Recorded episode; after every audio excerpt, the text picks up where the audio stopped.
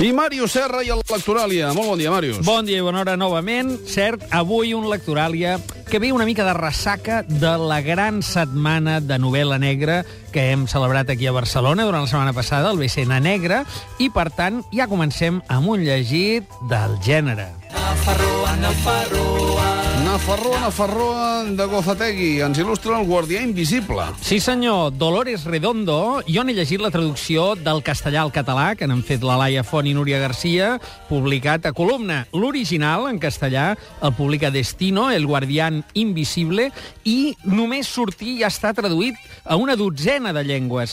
Aquesta és una primera entrega, ja ens avisen que serà una trilogia d'una novel·la Has posat negra. quatre L's, eh? Sí, mira, a veure, quatre L's, ara, eh, clarament per eh, devots del gènere, eh? És a dir, estem Val. parlant d'una novel·la de gènere, però molt ben construïda, i sobretot que ha triat un molt bon escenari, la Vall de Bastant, és a dir, la zona d'Elizondo i la part Euskaldun del nord de Navarra, no?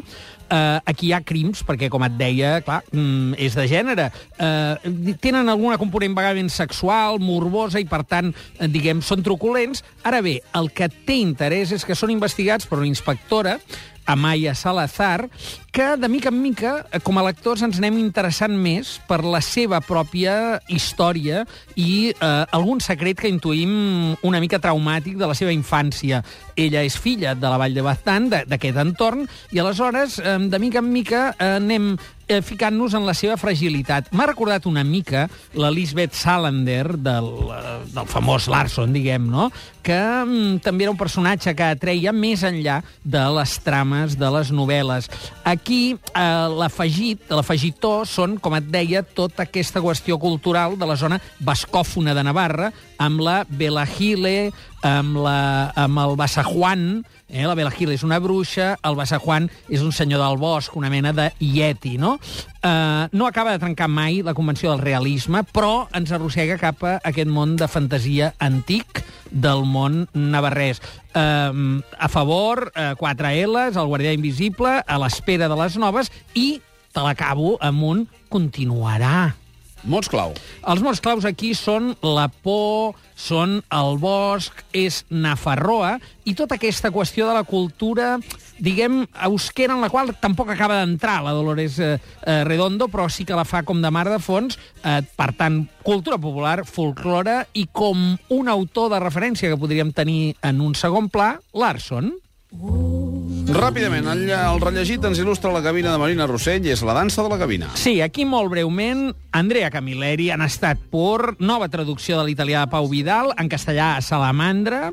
Aquí, la dansa de la gavina, en, és l'anèsim Camilleri i ens trobem que el seu gran company de confiança, en Fazio, desapareix. Aquí sí que el deixa totalment desasossegat. Aquí la desaparició no és d'una persona, d'un personatge, diguem, aliè que apareix a la novel·la, sinó d'algú que forma part de l'entorn immediat d'en Camilleri, de, del Montalbano, volia dir, de la saga, i, per tant, eh, la cosa, els lectors més fidels encara els farà tremolar més. Com Mots sempre, eh, garantia, solvència. Montalbano, Marinelli, mar, amistat, fidelitat i vida.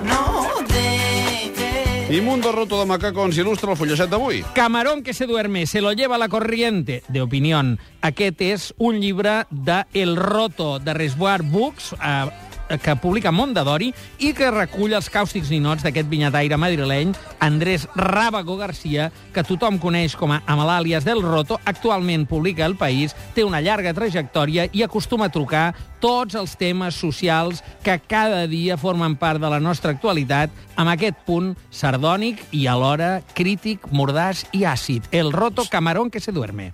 Som fans absoluts del Roto. Màrius, fins la setmana que ve. A reveure!